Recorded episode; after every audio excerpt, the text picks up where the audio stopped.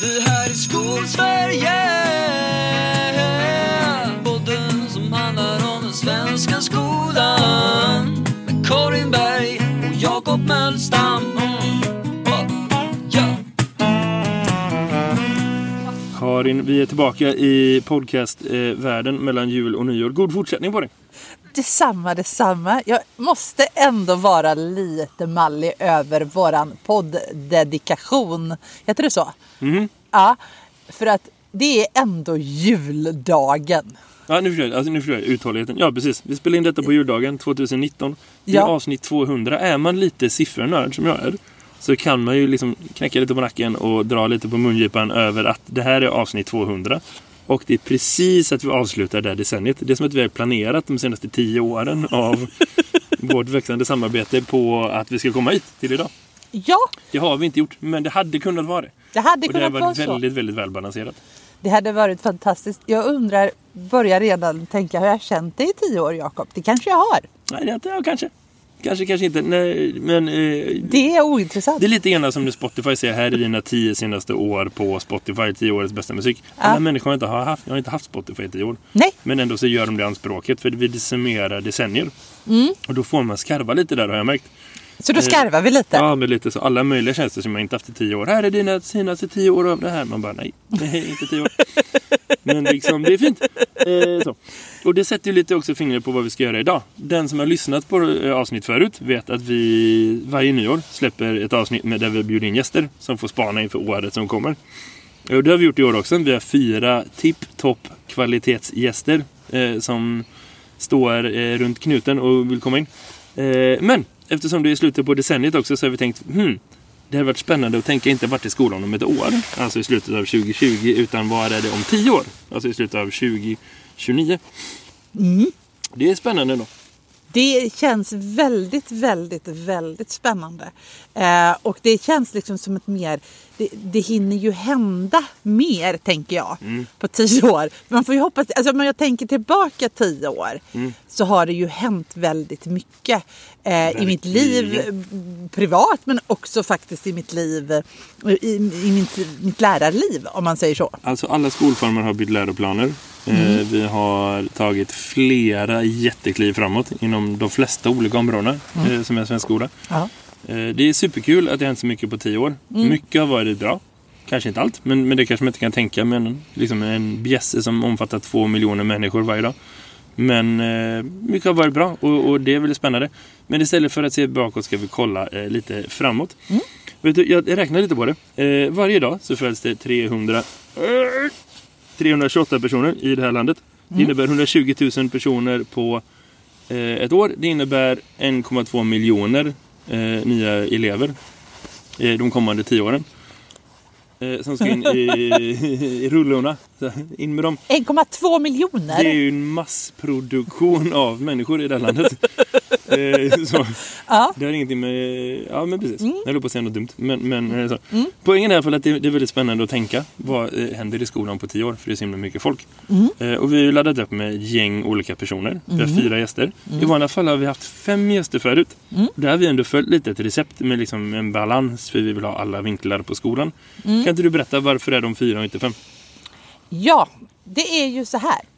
Att vi har ju tänkt eh, i alla år att vi vill ha eh, någon från eh, någon som är liksom står lite utanför och tittar in på skolan. Vi vill ha människor som är i skolan. Alltid, alltid en lärare. Ibland har vi haft en elev, rektorer. Vi har haft, eh, liksom SKL har varit med. Men vi har alltid också haft någon som är politiker. Japp. Men i år och tio år framåt så är det så att i 30 år Mm. så har man från politiskt håll haft chansen att göra upp med den här marknadsskolan Mm. som de har vetat om de hade tagit reda på är skit för den svenska skolan. Ja, det är ingenting som är överraskande utan det var världens mest förutsägbara händelseutveckling. Och efter 30 år har man inte gjort ett skit. Nej, och man visste det redan 1992, har ju kommit fram i år. Mm. Och det gör att de är diskvalificerade. Hela politiken. Ingen driver den här frågan tillräckligt hårt. Eh, och eh, ing, de har inte ens i nära tillnämnelsevis majoritet i riksdagen för att driva frågan. Och de förstår inte att driva frågan. Och därför pratar vi betyg i årskurs 4 och ordningsbetyg och annat trams. Och därför får de inte vara med. Precis, vi är inte intresserade av att dela med oss av den lilla liksom, uppmärksamhet som vår podcast eh, genererar till eh, makthavare som vill prata fint om skolan men som sen inte levererar. Utan där har vi valt oss att eh, skippa politiken. Eh, tills de levererar Japp. en bra lösning för just den här styrningen av skolan. Karin, här kommer en spontan interaktivitet för den som är lyssnare. Känner Ja. du för att vara med och delta lite grann? Eh, pausa podden i typ 3-4 minuter, det är så Mm. långa spaningar. Och så pratar du för dig själv om vad du tycker och tänker om svensk skolpolitik. Och sen så kan du trycka på play igen. Det gör vi nu! Ja! Japp, och då Så- fortsätter vi. Ja, då fortsätter med vi. vår första gäst som inte är du som är lyssnare utan någon annan. Eh, så. Eh, vår första eh, spanare heter Emma Leinse. Hon är reporter på Sydsvenskan.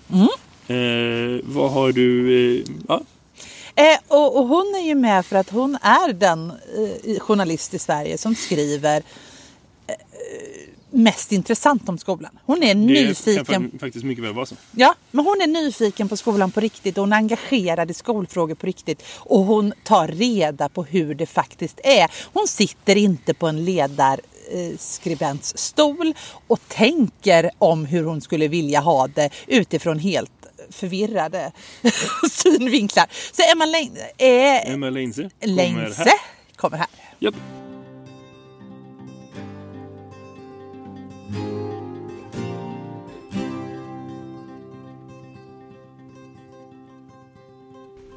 Hej alla ni lyssnare till podden Skolsverige. Jag heter Emma Leinse och jag är reporter på Sydsvenskan där jag mest skriver om skola och utbildning. Jag har blivit ombedd att göra en spaning som handlar om skolan på 2020-talet. Och jag har valt att ämnet juridik och hur juridiken verkar smyga sig in allt mer i skolan. Jag är inte säker på att det är en bra utveckling. Men här kommer den. Det har varit en rad beslut i olika domstolar den här hösten som har styrt skolan just. I november så beslutade Malmö tingsrätt till exempel att en skolas brist på stöd till en elev, det var diskriminering. Eh, vi har också sett ett par andra liknande domar under hösten. Till exempel en skola blev fälld för att en elev med dyslexi inte fick använda sina vanliga hjälpmedel vid nationella provet. Det här brist på stöd till elever med funktionsnedsättning är sedan några år tillbaka då en diskrimineringsgrund enligt diskrimineringslagen. Och nu börjar vi se konsekvenserna av det. En annan dom som kom nu i december. Göteborgs kammarrätt beslutade att friskolor inte längre behöver lämna ut uppgifter om elevers resultat. Betygsgenomsnitt till exempel, eller genomströmning, andel nyanlända elever eller föräldrarnas utbildningsnivå. Allt det anses som affärshemligheter när domstolen tolkar lagen. Vi har också en ny lag på gång. När år 2020 börjar så blir barnkonventionen lag i Sverige. Den säger bland annat att alla beslut ska tas med barnens bästa för ögonen. Det kommer säkert få en rad konsekvenser för skola och förskola. Vi har också myndigheter som i ökande grad kontrollerar att skolorna gör det de ska. Vi har till exempel fått en skolinspektion som har fått både mer resurser och större befogenheter. Barn och elevombudet kräver skadestånd från skolhuvudmän för kränkningar mot barn. Även i fall där varken polisen eller arbetsgivaren eller lärarnas ansvarsnämnd kan se att skolan eller lärarna har handlat fel. Vi har Skolinspektionen som utfärdar kritik och böter till skolor som har underlåtit att följa lagens krav om att varje elev ska nå så långt som möjligt i sitt lärande. Brist på stöd är en av de vanligaste kritikpunkterna som Skolinspektionen utfärdar. Också Arbetsmiljöverket har fått tydligare regler att hålla sig till i sina inspektioner när det gäller psykosocial arbetsmiljö. Och det påverkar förstås skolorna, där framförallt förskollärare men också allt fler lärare blir sjuka av stress. Jag tror att vi kommer se mer av det här under 20-talet. Jag tror också det kommer påverka skolorna på ett sätt som vi kanske inte önskar egentligen. För när skolan ska inspekteras, kontrolleras, svara på anmälningar eller stämningar, då riskerar fokus att hamna på något annat än att ge bra undervisning. Stora resurser kommer läggas på vissa elever. Inte nödvändigtvis de som behöver det mest, utan de vars föräldrar klagar högst. En skola där juridiken styr riskerar att bli en skola där skillnaderna ökar mellan de som kan och orkar kräva sina rättigheter och de som inte kan det. Och om vi dessutom har en lagstiftning som tillåter allt större hemlighetsmakeri på grund av affärsintressen, då är grunden lagd för en ännu större faktisk skillnad mellan skolor. Det lägger ännu mer ansvar på föräldrarna att se till att deras barn får en bra skolgång. Och det är inte på föräldrarna som det ansvaret ska ligga. Det ska heller inte ligga på domstolar eller, på domstolar eller kontrollmyndigheter. Utan ansvaret att ge en utbildning med kvalitet och likvärdighet måste alltid ligga på skolan. Så om jag har en förhoppning på det här området så är det väl att min spaning är fel. Vi får väl se. Jag önskar er i alla fall alla en god jul och sen ett gott nytt årtionde. Hej då!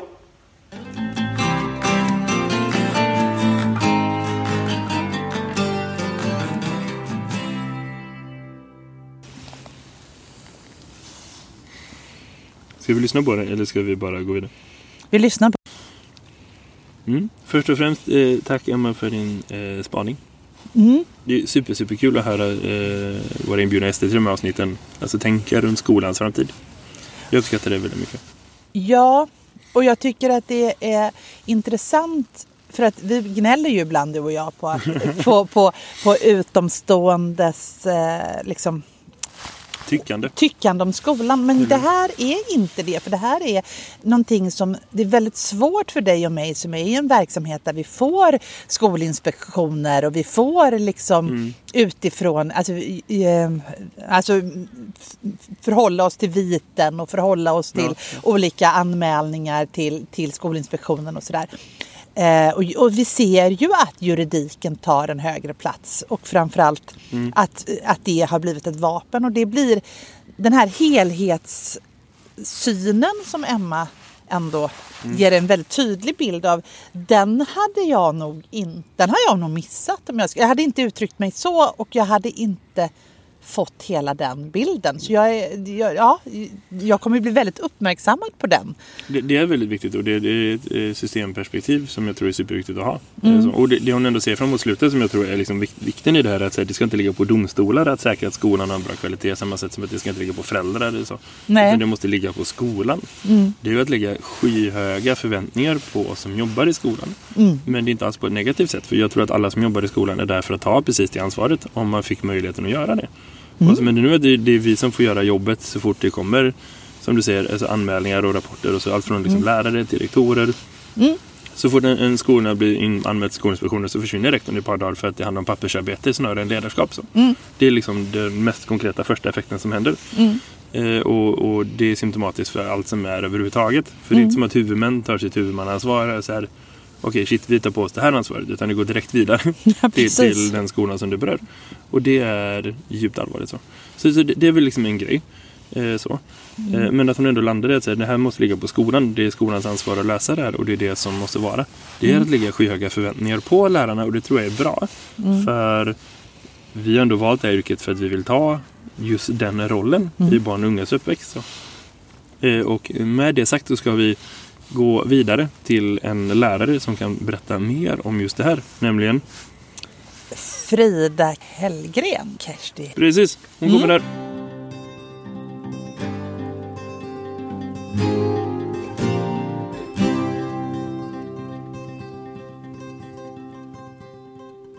Jag har tänkt ganska länge på det här med mina förhoppningar och förväntningar på Skolsverige inom de närmsta tio åren. Och jag tror att det jag saknar mest idag, det är att bli lyssnad på, att bli tagen på allvar. Att det finns för lite förståelse för att vi faktiskt vet vad vi håller på med, vi lärare. Vi har ganska god kännedom om vad som påverkar lärandet hos eleverna och vad som inte påverkar lärandet. Vi vet dessutom ganska väl vilka av våra elever som når målen och vilka av våra elever som inte når målen. Vi har också gjort analyser till varför. Men tyvärr så stoppar det ofta i när man ska skjuta till de där extra åtgärderna som kan behövas. För ibland ligger de åtgärderna utanför det pedagogiska. Ibland ligger de innanför det pedagogiska men kan handla om tid i skolan eller tid i Sverige.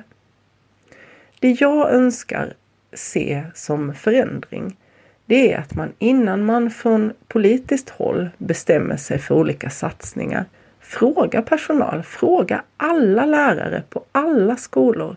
Skicka ut ett mejl. Tror du att ett mobilförbud kommer påverka lärandet hos dina elever? Och så en följdfråga. Motivera ditt svar. Och gör så varje gång ni funderar på nya grejer som ni vill förändra. För om man verkligen har ett förtroende för en yrkesgrupp så som man säger sig ha, då måste man ha den yrkesgruppens stöd innan man lägger en massa pengar på att göra utredningar som inte leder någon vart.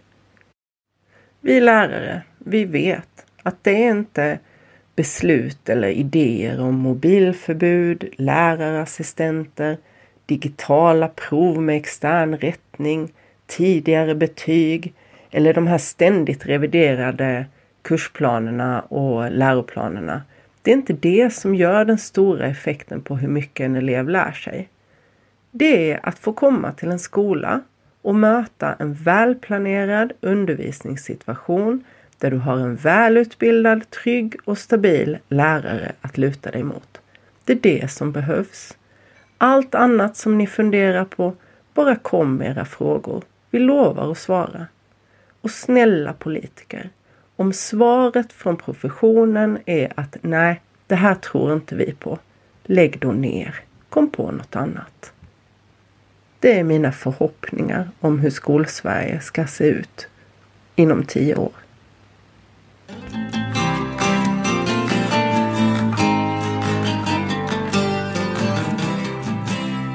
Nu pekar på Karin och Björn Roligt.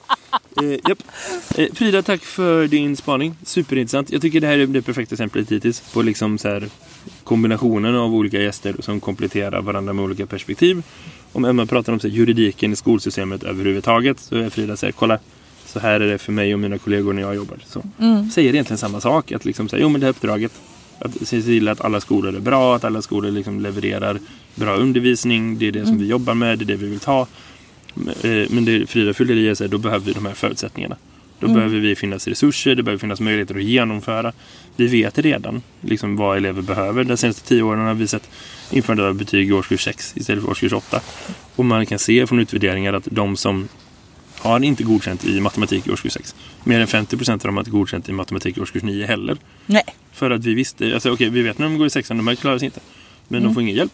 Nej. Och att liksom, utsätta lärare, oj, att utsätta lärare för, och elever för den sortens liksom, ineffektivt ledarskap är Ja men det är så professionellt intellektuell tortyr någonstans. Mm. Ja. Det är helt värdelöst. Ja men absolut och det där vet jag ju liksom eh, att lyssna på lärarna är ju en, en väldigt, väldigt viktig sak att göra. Men, men samtidigt så är det ju som att lärarna, men också egentligen så har våran profession på ett sätt gått lite vilse i det här att man ber politikerna och polit, alltså liksom samhället i stort ber politikerna ta svar på hur-frågor istället för vad-frågor. Mm. Politiken har inte med skolan att göra när det kommer till huret. För det är där som huret ska led, li, liksom li, vara på vetenskaplig grund, det har vi bestämt. Mm. Skolan ska ju vila på vetenskaplig grund. Det behöver vi liksom inte diskutera längre. Utan alla hu, och då betyder det att alla hur-frågor är eh, vi som jobbar i skolan som ska ta ansvar för. Absolut. Punkt och slut. Och sen är det ju de här vad-frågorna sen, alltså vad vi ska lära ut. Det är en politisk fråga eftersom ett samhälle är präglat av den politik som råder i landet. Och det är liksom inte så konstigt att vi fick liksom eh, Alltså de reformer som vi har fått, att entreprenöriellt lärande kommer in Nej, nej. när man tycker entreprenörskap är väldigt viktigt. Det är inte konstigt att eh, solidaritetstanken skrivs in i, i en läroplan när vi har liksom ett solid, socialdemokratiskt styre och så vidare. Det, det, liksom, där kan du ju skönja ideologin. Ja men självklart. Och, och det där är ju är helt rimligt. Det är ju därför Mm. som skolor är politiskt styrda. Liksom, så. så det är ju ingen som ifrågasätter. Men det är skälla på att säga vad är vad och vad ska göras. Och så. Det där är superviktigt att man har ordning på. Och det är kanske det som någonstans är den röda tråden hittills. Mm. Eh, Vi ska gå vidare till vår tredje spaning. Eh, Och då är det så att vi har haft tag i Johan Ernestam som är profil på Twitter. Check. Eh, Och också en av Lärarförbundets utredare. Han jobbar nationellt inom Lärarförbundet. eh, Med, som sakpolitisk kunnig expert. Så.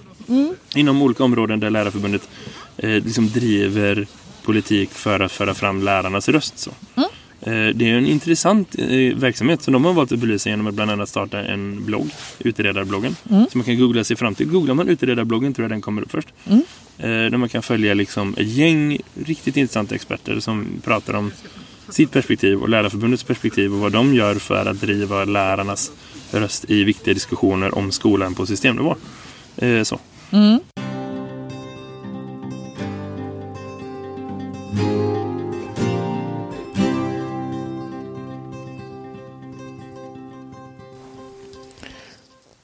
kan man säga om svensk skola om tio år?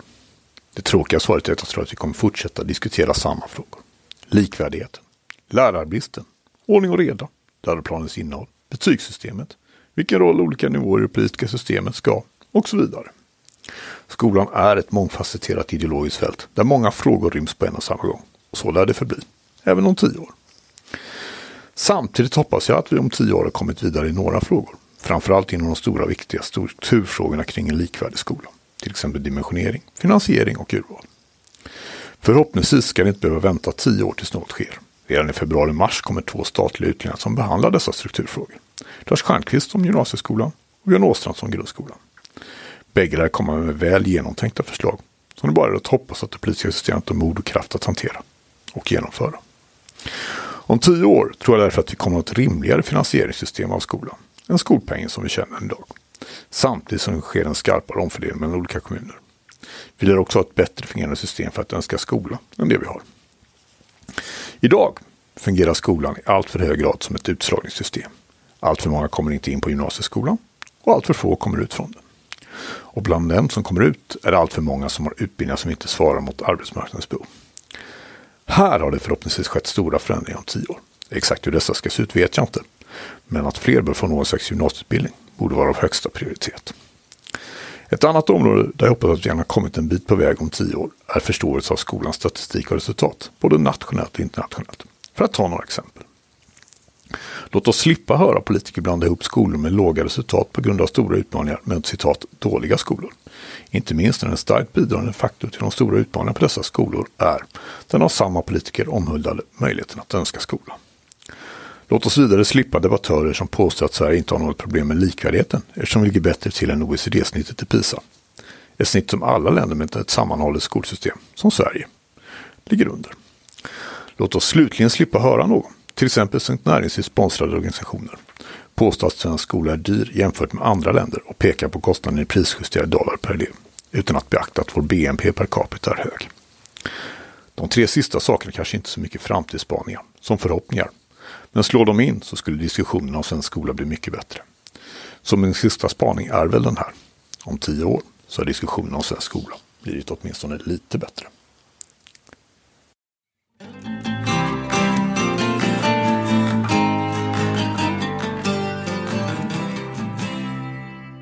Tack så hemskt mycket Johan Ernestam för denna spaning och för att du ringar in kanske den eller kan ringar in det som vi behöver komma till rätta med men som jag kanske den optimismen att du tror att vi ändå kanske eventuellt har hittat ett annat styrsystem. Att vi ändå har hittat ett annat ekonomiskt system om tio år och att vi har tagit den där marknadsskolan och slängt i soporna. Slängt i, precis, så. Det är en eh, superviktig grej som jag tror att många lärare går och tänker på lärarrum runt om i Sverige. Ty- Tyvärr är det ju så att politikerna finns inte i våra lärarrum tillräckligt ofta. Nej. Eh, så det finns ett för långt avstånd för att det är så det är i ett system som är så stort som vårt. Mm. Och då är det super, superbra att ha representanter som för fram just de åsikterna åt oss. Mm. Eh, och där är Johan en av flera personer. Man ska säga om man funderar lite grann på bakgrundsljud Karin, att det går förbi lite folk också. För vi sitter ju inte i vår vanliga studio och spelar in utan vi sitter vid en sjö, på en sten, i en skog någonstans Ja, eh, i, i Göteborg. Ja. Och i närheten är det folk som juldagsbadar. För det är sånt man gör i tider när vintrarna inte är så kalla som de var förut. Här är det ingen snö i närheten. Det är typ nästan vårtemperaturer. Ett tag tänkte jag att vi kommer ha fågelljud i den här podden. Det har vi nog kanske inte haft. nej. Men vi har badljud ändå. Ja, precis. Folk som badar på juldagen. Så är det med klimatet. Ja, och apropå framtiden, klimatet och Ja, eh, andra saker så ska vi vidare i en eh, spaning som kanske är den spaning som, som, som åtminstone det, som är framåt. Vi ska eh, göra så. Vi ska ta och runda av med en eh, riktig dos framåtspaning. Så. Vi har bjudit in eh, Lisa Servin. Eh, Lisa är eh, adjunkt på Mittuniversitetet, avdelningen för informations och kommunikationssystem, som pratar om skolan och digitalisering, men ur ett här, vad är det för utmaningar vi behöver jobba med de kommande tio åren perspektiv.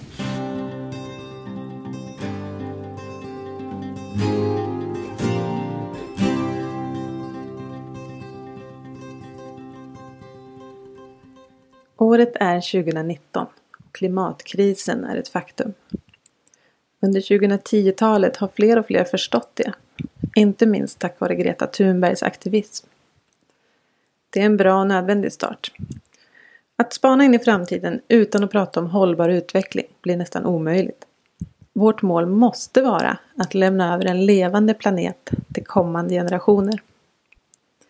Det sägs att det kommer krävas en revolution för att rädda vår planet. Hållbarhetsrevolutionen.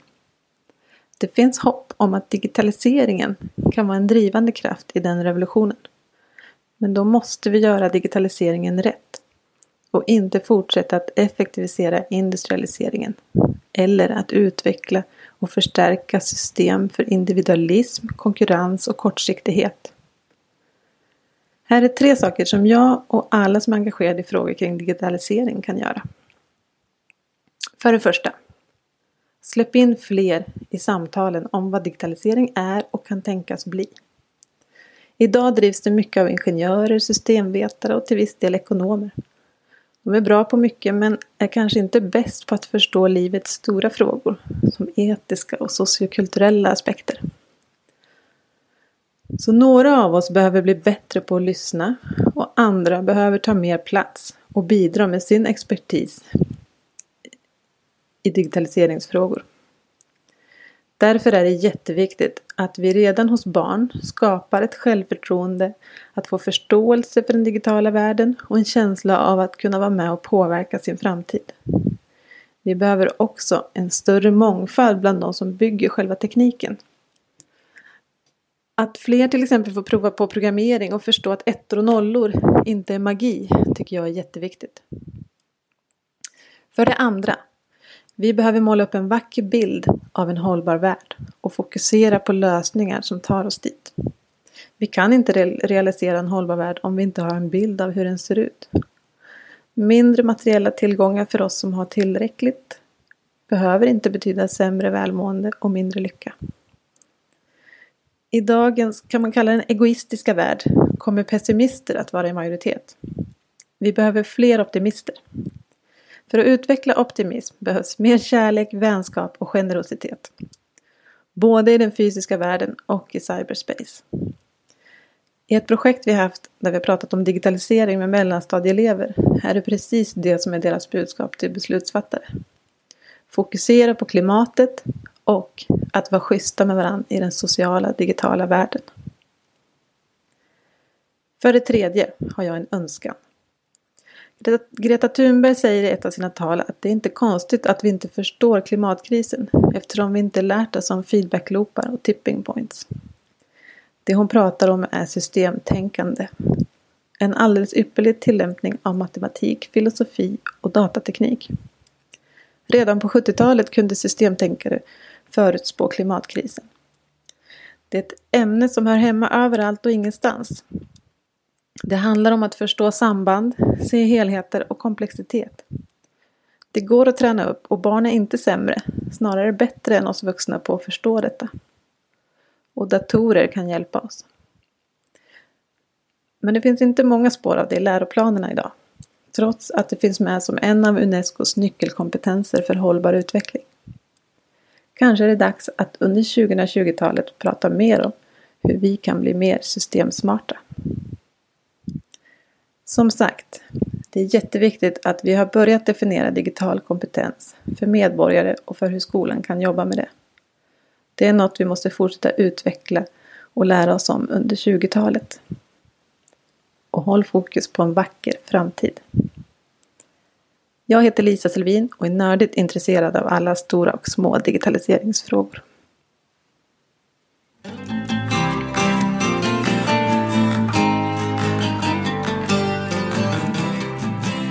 Lisa Selvin, tack snälla. Jag får ju när, när Lisa pratar så får jag lite de vibbarna. Jag som är, jag är ju ändå, vad är jag, tio år äldre än dig. Typ. Typ. Eh, och jag, du har ju lärt mig så mycket om vad digitalisering egentligen är. Eh, menar du? ja, just det som Lisa pratar om här. Att det, det är ju liksom inte... Alltså, det hand, när man pratar programmering, när det skrivs in i läroplanen, då, då blir ju ofta folk börjar de himla med ögonen och varför ska man lära sig det och varför är det viktigt? Och, För vår tradition präglas av datakörkort och liksom tekniskt kunnande. Vart, vart ska jag trycka? Hur trycker man på play? Hur Ja. sparar man? Hur mailar man? Utan att egentligen ha något syfte med det. Jag förstår. Ja. Ja, och jag, precis. Och jag gick ju ändå i skolan när jag hade maskinskrivning på schemat som jag förvisso hade femma i. Men det spelar ju liksom väldigt liten roll. Eh, men förstår du liksom hur, Ja, jag hur man kan... Alltså, det har ju hänt så mycket och det är så svårt, tänker jag, för min generation att förstå vidden av digitaliseringen och vad det faktiskt innebär. Och det hon säger här, att det är ju inte så att vi ska använda digitaliseringen för att effektivisera industrialiseringen. Och det är ju också det man försöker göra i skolan. Väldigt många klåfingriga politiker tror att det är precis det som digitaliseringen ska göra, alltså effektivisera någon slags inlärning istället för att förstå att digitaliseringen är ett helt annat kunskapsområde som vi behöver ta tillvara men också lära ut för att vi ska få en hållbar värld. Det är nödvändigt för vår framtid. Så jävla viktig är digitaliseringen. Det är verkligen så. Och jag är jätteglad att hon kan sätta ord på det. Eh, Ja. Det blir en perfekt sätt att slunga in i framtiden. Ja. Eh, Karin, 2019 är snart slut. Vi har släppt 200 avsnitt det här decenniet. För vi har spelat in andra halvan. På 10 år hinner vi spela in 400 avsnitt till. Give or take. Alltså gör vi så här att vi bestämmer här nu att avsnitt 599, det näst sista på nästa decennium, blir att vi bjuder in de här gästerna igen. Eh, och så får de kommentera på sina eh, spaningar. Eh, det vet de inte om. Eh, men de vet ni det nu. Eh, ni är hjärtligt välkomna tillbaka. Alla ni som lyssnar, ni är välkomna tillbaka redan avsnitt 201 som kommer någon gång i januari ungefär. Ja, det gör det. Eh, och till dess, ha det gott. Ha det tack! Hej då! Det här är Skolsverige. Podden som handlar om den svenska skolan. Med Karin Berg och Jakob Mölstam